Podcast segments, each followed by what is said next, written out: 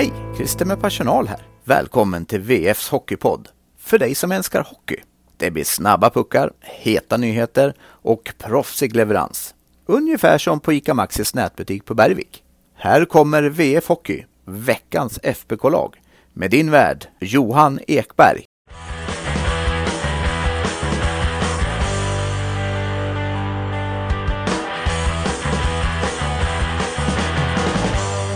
En ny vecka och vinstmaskinen Färjestad bara fortsätter att vinna. Tänk vad det kan gå fort och tänk vad fort det kan vända. Vilka har varit lagets bästa spelare och hur ska man agera i en nyckelfråga framåt? Det är några av sakerna vi ska diskutera idag när jag välkomnar er till VF Hockey, veckans FBK-lag. Och jag även välkomnar Jonas Griberg till podden. Mm, tack så jättemycket. Tillfrisknat efter en eh, tyngre man-cold. Mm, så är det. Jag har legat på dödsbädden här i veckan och dagar, men nu, nu, nu på benen igen. Mm. Du, ifall vi börjar med Växjö-matchen här som du bevakade åt oss från eh, dödsbädden nästintill i, i lördags. Vad, vad drar du för några slutsatser av eh, straffsegern? Höll på att säga saddensegern, men straffsegern. Mm, ja, men en bra match, en, en jämn match. En match Mm. där jag tyck, egentligen tycker att, eh, eh, att Färjestad borde kunnat eh, avgjort tidigare. Eh, lite, jag vet inte om man ska säga antiklimax, men det kändes lite onödigt att eh, de inte kunde knyta upp den där säcken. Eh, återigen som det har varit innan. Eh, ett, eh, en utvisning som blir förödande. Mm. Eh, det var samma mot Luleå, det var samma mot Rögle. Rögles red, reducering där som ja, men visserligen var en, en avvaktande utvisning, men eh, 6 mot 5 spel ett tag. Ändå är Linus. Johansson som måste hålla känslorna i styr. Mm, och kanske fortsätta spela också efter Ja. där. Men det, det, det är något jag ska återkomma till lite, Mm. lite Mm. senare här. Men jag tycker att de reser sig bra efter den där mardrömsstarten efter halvminuten där, där Joel Persson kanske lite för enkelt får Mm. kasta in pucken på mål. Eh, eh, men en, eh, en seger är en seger. Det är det, och de radas ju upp. Det går inte, alltså, tittar man på en formtabell så är Färjestad plötsligt i toppen. Alltså inte allra i, högst i toppen, men bland de bästa senaste fem matcherna, även fast det bara har blivit en trea. Mm, så är det ju. Eh, klart den, den, den där straffsegern mot Rögle blev ju vändpunkten till slut. Man Mm. tänkte väl att eh, när, när de hade 3-2 och tappat till 3-3 att nu, eh, nu Mm. kan det här gå käpprätt åt eh, Mm, mm. ena hållet här. Men ja, eh, straffsegern blev, det blev en vändpunkt eh, Mm. tror jag. Du, vi ska ta ut ett veckans lag, men innan det tycker jag att ni ska få lyssna lite till en av eh, de eh, spelarna som eh, kanske inte blir uttagen i veckans lag, men som vi pratar lite om här. Och jag satte mig ner med Linus Johansson efter träningen idag för att prata om något så specifikt som tekningar och hur det kan skilja så mycket mellan tekningar i en eller annan zon. Och det visade sig att Linus hade flera anledningar till att det ser ut som det gör. Så lyssna här.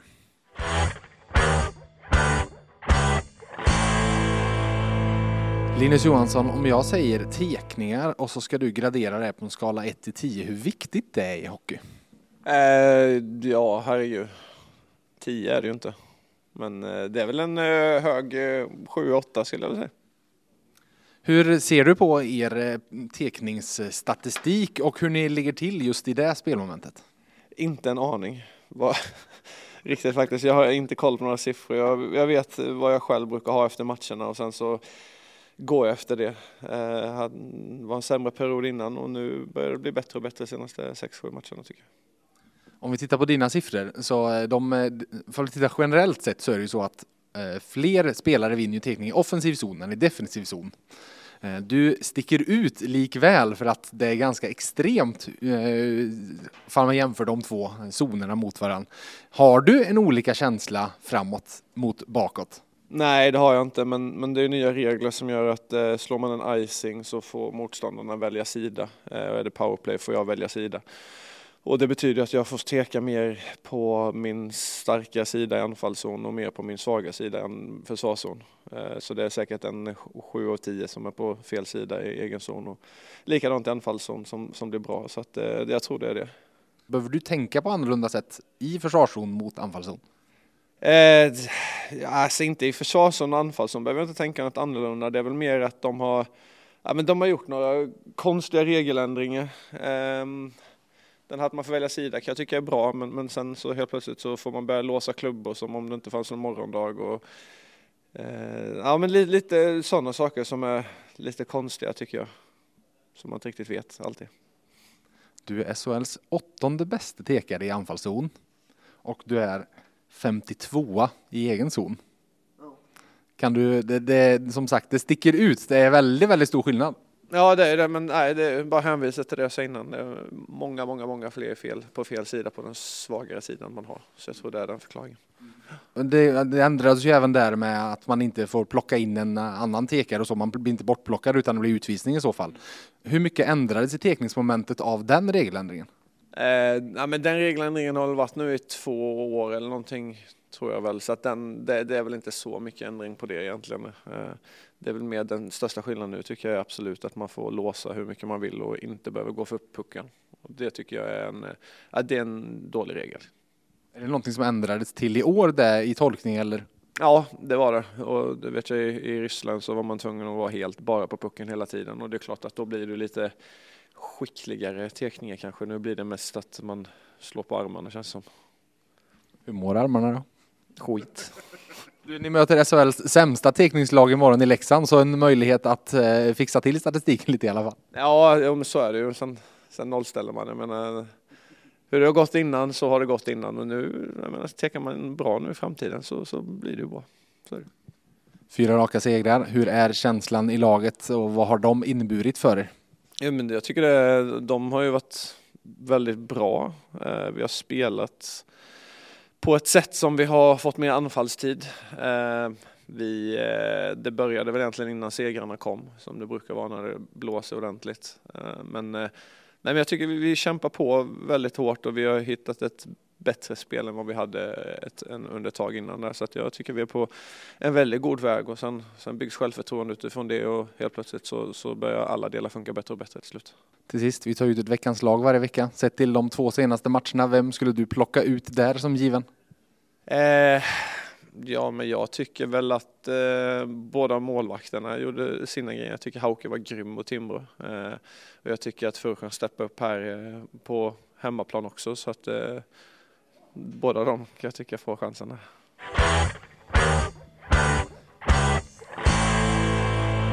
Han var lite feg, Linus Johansson, och plockade ut två målvakter. Så kan vi givetvis inte ha det. Vi ska nöja oss med en, men här ska ni i alla fall få veckans FBK-lag. Och vi börjar med målvakt och den har jag här. För vi säger välkommen tillbaka in i värmen Henrik Haukeland. Eh, de har ju stått varsin, så nu var det ett val att göra återigen. Eh, men eh, Haukelands match uppe i Timrå i torsdags var ju högklassig på alla de sätt.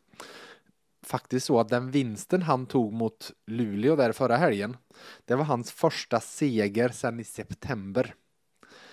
Han, de, de han har varit inne några enstaka men förlorat varenda en. Den här, han stod i, det var alltså första segern sedan bortamatchen mot Linköping, den han höll nollan.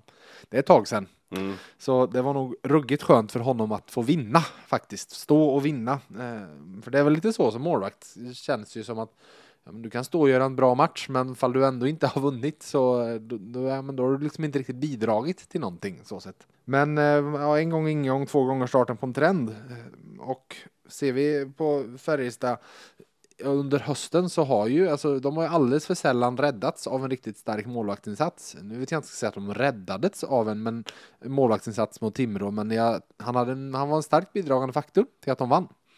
Eh, nu verkar det som att Dominik Furs står imorgon igen mot Leksand borta och han fick stå här mot Växjö. Hur ser du Jonas på hur, hur de ska matcha och agera kring målvaktsfrågan när Haugland har kommit in och faktiskt spelat så bra som han har gjort? Så är det. Alltså, man tänkte väl att när de tog in Forts här att ja, men nu blir Nu blir Dominik det, det, det tydliga första valet och Haukeland Mm. det tydliga andra valet. Men som du var inne på, jag tycker att eh, Haukeland, de matcherna han har stått, han har han har gjort några fler högkvalitativa räddningar än vad, än vad Fors har gjort. Mm. Eh, Den där på eh, Li- Lodin. Mm, han När får han höll på att göra det, ja. Århundradets mål. Mm, mm. Synd om honom att han inte fick avsluta det. Det hade ju blivit Youtube-sensationmål det. Men ja, den var grym. Och några till. Så är det. Nej men nu, nu sitter ju Ja men nu sitter ju Färjestad i en liten guldsits här med två, två riktigt bra målvakter. Sen kan Mm. kanske jag tycker att Haukeland har varit eh, aningen stabilare och bättre än vad Fords har varit. Eh, sen vet man inte om man ska kolla för mycket på vilket typ av motstånd de har mött Mm. och allting sånt. Eh, men känslan är ändå att Haukeland har varit eh, snäppet vassare. Men jag tycker ändå att man bör många miljoner de lastade in i en Furch eh, Mm. också. Alltså, man gör ju inte det. Visst, nu har det blivit sportslig ledning sedan det, men likväl på något sätt vill man ju ha valuta för de där pengarna man satsade för honom. Så är det ju, men så länge han inte levererar så Mm. ser jag ingen anledning till varför han ska stå fler matcher än Haukeland. Men hade jag varit, hade jag varit Johan Penneborn kanske jag hade valt och eh, matcha om ungefär lika mycket fram till slutspel för att ha två, två bra målvakter i form, vilket behövs i ett slutspel. Mm. Du behöver ha, ha två målvakter som har spelat mycket, som kan spela mycket och, och som kan vara en, en matchvinnare. Mm. Eh, och just nu så eh, för mig är Haukeland eh, eh, första valet. Mm. Mm. Vilket är ditt första val på backsidan i veckans Mm. FBK-lag? En bra övergång där. Exakt, exakt, exakt. Där har jag valt eh, Mattias Göransson. Mm. Eh, kanske den back som eh, uppfyllt förväntningarna man hade inför säsongen. Eh, har eh, sett till, eh, till Timrå-matchen och eh, Växjö-matchen plus fyra. Eh, Den som varit inne på flest mål framåt. den som Klart varit inne mest. på Mm. klart mest mål framåt och eh, sett till hela säsongen så är, ligger han femma i plus minus statistiken i hela SHL. Mm. Vilket också säger en hel del. Eh, spelade nästan 19-20 minuter den här gången i veckan och eh, är, jag skulle nästan vilja säga han är, han är lite av en Jens Westin fast med mer offensiv kvalitet. Mm. Eh, gillar att komma upp i banan och vi såg ju här han, eh, han skäms inte för att avlossa sitt skott. Mm. Eh, kanske borde göra lite oftare men jag tycker att han har varit, han har varit stabil hela, Mm. hela säsongen tycker jag. Fått kanske lite o, oförtjänt lite rubriker Mm. men ja. Han har fått många platser i veckans FBK-lag så vi har Mm. väl eh, hjälpt till att väl jämna Mm, ut det är där. det. Var femte uttagningen där faktiskt. Så nej, helt klart en positiv överraskning i Färjestad. Eh, back nummer två som vi tar plats i veckans lag är den som sköt flest skott av alla spelare i Färjestad den gångna veckan. Albert Johansson. Sju skott avlossade han. Eh, och någonstans där, om vi bara ska titta på någon, någon sån specifik grej, kan jag tycka att ja, men snitta en tre, fyra skott per match. Någonstans där borde vara hans lite personliga målsättning. Eh, just för att hela tiden vara den kreatör som får saker att hända som han, som han är när han spelar som bäst. Eh, utmaningen för Albert, som ju alla hela tiden lyfter fram, och det pratar ju Staffan Kronvall om också när han gästade podden förra veckan, så är ju det det defensiva spelet. Eh, men där tycker jag det hade, de har en bra vecka bakom sig, han och Adam Ginning, och underliggande siffrorna visar också det, på att de, de har drivit spelet framåt när de har spelat. Så mm, eh, Albert Johansson får en plats i veckans FBK-lag. Hallå där! Dags för en ny vana. Läs de senaste nyheterna med VFs pluspaket när och var du vill för en krona om dagen i 90 dagar. Med Plus får du tillgång till allt innehåll på sajten och i nyhetsappen. Läs mer på vf.se erbjudande.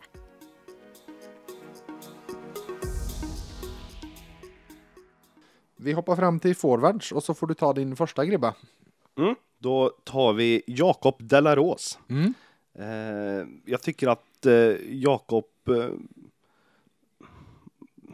efter Daniel Wiklund så tycker jag att ändå mm, han har varit eh, Färjestads bästa spelare. Mm. Eh, sett över hela säsongen. Eh, nu börjar han även få igång målskyttet här. Tre mål de senaste fem matcherna. Och eh, mål, målet han gör emot Växjö i all ära. Det är väldigt Mhm. snygga kriterier, men det är också en kille som jobbar stenhårt över hela banan. Det, det är en kille som, om man blir, blir han av med pucken så är han snabbt där och tar tillbaka den och tacklar ju överlägset mest i hela, i hela FBK och, och även i vet du, toppen av hela SHL där också. Mm. Eh, oerhört jobbig spelare att möta som, eh, ja, tillsammans med, med Lillis och eh, Åslund i den här Värmlandskedjan, där, Mm. eh, där verkar Färjestad ha hittat eh, något väldigt bra. Mm. Riksväg 61-kedjan kanske vi ska kalla det. Mm. Man kan åka 61 till alla orterna. Ja, nej men eh, absolut. Han eh, är väl värd platsen. Eh, där tycker jag även nästa forward som vi plockar ut är alla dagar i veckan.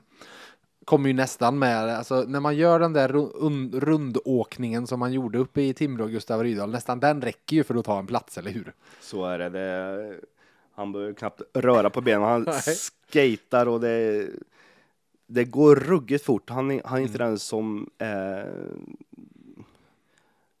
Alltså när han trampar, det ser inte ut att gå fort, men Nej. det går ruggigt snabbt med de, här, Ja. de här långa skärarna. Mm, ja men verkligen.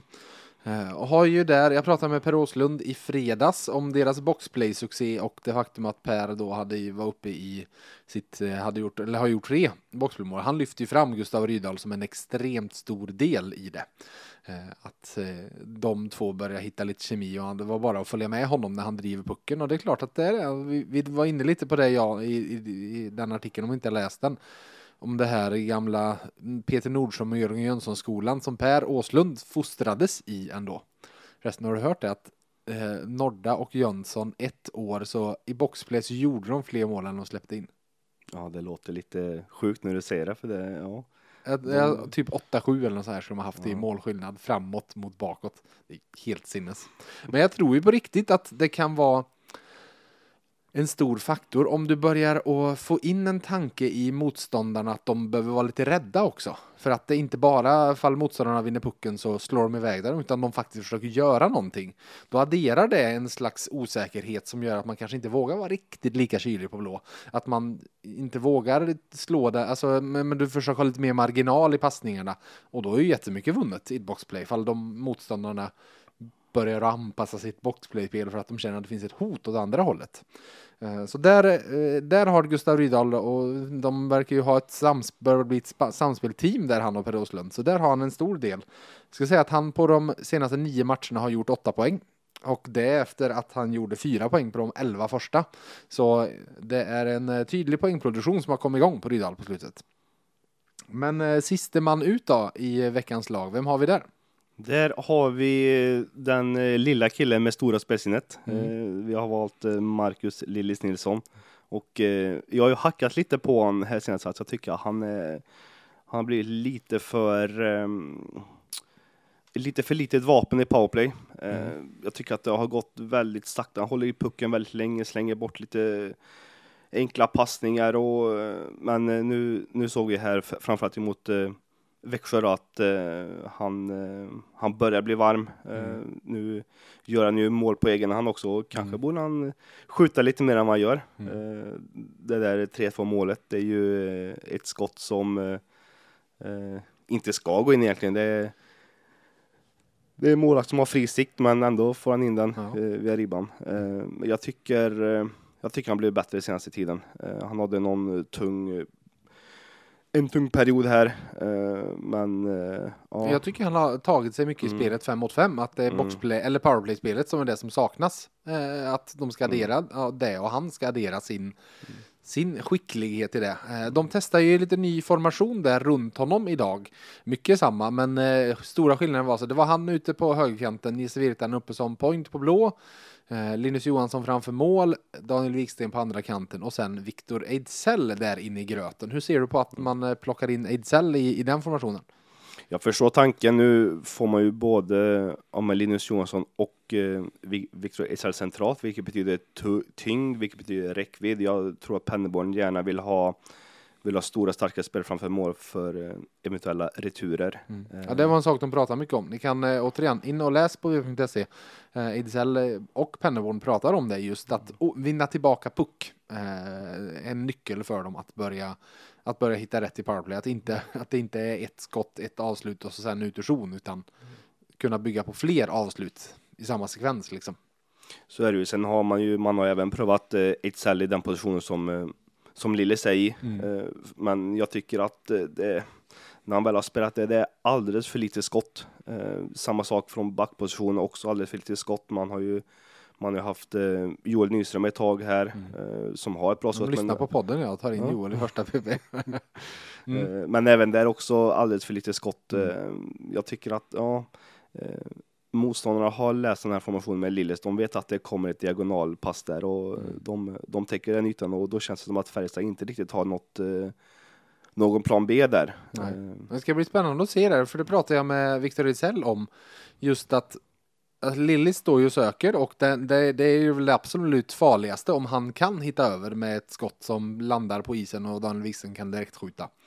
Så sett. Men just med Ejdsell, han är ju så stor som en laggårdsdörr liksom. Eh, och kan eh, Lillis även börja leta in passningar på hans klubba som han kan styra från en, en bit, ja, några meter från mål där. Så är det också ett vapen och det är klart att det är svårare att markera bort honom än vad det är att markera bort eh, Joakim Nygård till exempel i den formen eller i den platsen för att det är svårare att komma åt honom för han är så himla stor liksom. Mm. Och just med, med, med att ha de här olika alternativen, det gör ju också att man, man som motståndare i den här boxen, man vet inte, ska man, ska man ta ta Virtanen på blå och täcka av det? Ska man täcka av Viksten? Ska man täcka av Ejdsell? Och så blir det här, m- man måste göra det ändra och då har, har Lillis den här möjligheten. Antingen så, så sätter jag upp eh, Virtanen i skott, antingen så hittar jag diagonalpasset till Viksten eller så, så hittar jag ett, eh, en styrning för, eh, för Ejdsell eller, eller, eller Linus Johansson. Ja men exakt. Du, vi ska plocka ut ett utropstecken också och eh, vi drar oss väl på lite siffror igen. Jag var inne på det förra veckan och eh, tvåa i Corsi senaste fem är vi uppe i nu. Det är etta i skottförsök framåt i skottsektorn. Det är mm, i princip bäst även i skottförsök emot i skottsektorn. Eh, samma där senaste fem matcherna. Så att eh, sam- trenden som vi var inne på förra veckan eh, fortsätter.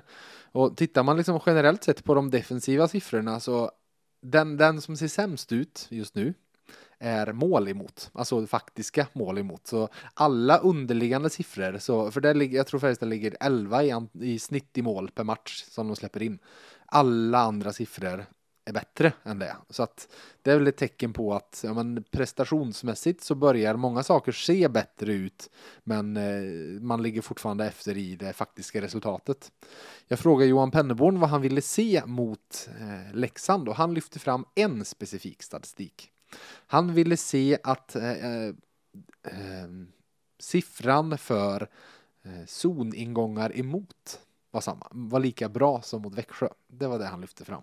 Så det handlar alltså om kontrollerade zoningångar och det är väl en av sakerna som Leksand är duktiga på i serien. Så att eh, det kan jag ju förstå så sett. Men eh, så där har ni någonting att hålla utkik på imorgon. Hur, hur duktiga Färjestad är på att förhindra Leksand från att kunna föra in pucken i Färjestads zon med kontroll. Vad har vi på frågetecken? Eh, frågetecken. Där har vi satt ut eh, förmåga att inte kunna stänga matcher. Eh, visst, det kanske känns dumt att, att sitta här och klaga när de har fyra raka, men det är trots allt eh, tre av dem som har gått till eh, sadden eller straffar där man har, har tappat en ledning i, Absolut. i, i, ja, men i slutperioden. Eh, tar man, börjar man när de vände trenden mot, eh, mot Rögle hemma. Eh, man hade 3-1 med tre minuter kvar. Eh, man hade ett jätteläge att göra 4-1 i tombur. Ja, det. Då hade den trepoängaren varit inkasserad. Istället så får, får Rögle göra 2-3 under en avvaktande utvisning.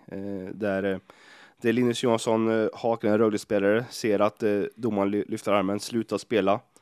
Pucken trillar framför mål och plötsligt så är det match och en liten panik. Eh, Panik efter kollaget. Det kommer 3-3 direkt. Sen så såklart väldigt eh, skönt för dem att kunna Och vinna sen ja. vinna sen efter straffar. Eh, Men du har en repris på Linus Johansson på samma grej i- mot Växjö. Mm, så är det. Eh, ja, inblandad i, inblandad i mycket här. Ja. Men eh, det är klart, det, det, var, det var också mot Luleå dagen efter. Där det, det är två mål i boxplay. Mm. Eh, även där jag tycker att man eh, kanske borde ha kunnat stänga matchen på ett eh, bättre sätt. Det, det, håller inte i längden heller, det här boxplay-spelet. Eh, de är ju i, i botten av SHL där och har vi hackat på powerplay kanske vi behöver hacka nästan lika mycket på Mm. boxplay-spelet där också.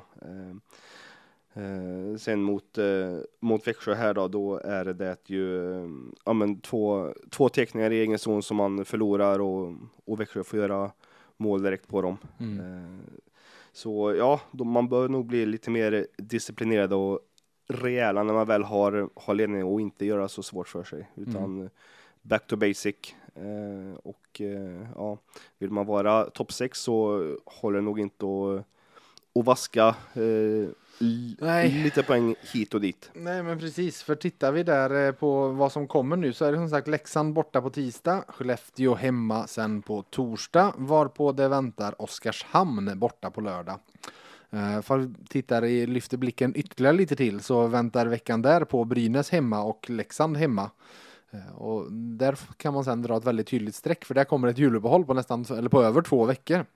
Eh, men tittar vi på de här eh, fem matcherna som återstår fram till det så är det fyran, trean, sexan, tolvan i Brynäs och sen fyran igen i Leksand där som Färjestad har att matcha mot. Så att det blir ett, eh, ett test så sett för likväl, trenden har vänt men man vill ju, de vill ju upp till topp 6. Det är klart det är ett väldigt, väldigt givet mål att, eh, att landa där och det är sex poäng upp till topp 6 och ett Växjö som är emellan dem och eh, ett Örebro som är emellan dem och Oskarshamn också som där Oskarshamn just nu är sexa. Så viktig vecka framöver, så sett. Så är det ju. Och upp till, eh, till Leksand kommer, kommer säkert vara väldigt mycket folk. Mm. Ett, ett formstarkt, formstarkt Leksand. Vi har ju hemmapremiären i färskt minne där. Eh, Man kanske inte ska ha allt för stora förhoppningar att de ska åka upp och, och ta tre poäng. Det känns ju som den svåraste av, av alla det. matcherna. Det gör det. Sen så, så då, man ska inte underskatta Oskarshamn heller som, eh, Nej, och Skellefteå som bra. brukar dit åtta Ja. mål mot eh, Ja. mot SAIK liksom. Eh, men eh, ja, får man, om, om vi säger den här veckan, jag tror får man med sig sex poäng av, av nio möjliga så tror jag man är, man är nöjd med det. Mm, absolut, det skulle jag också hålla med om.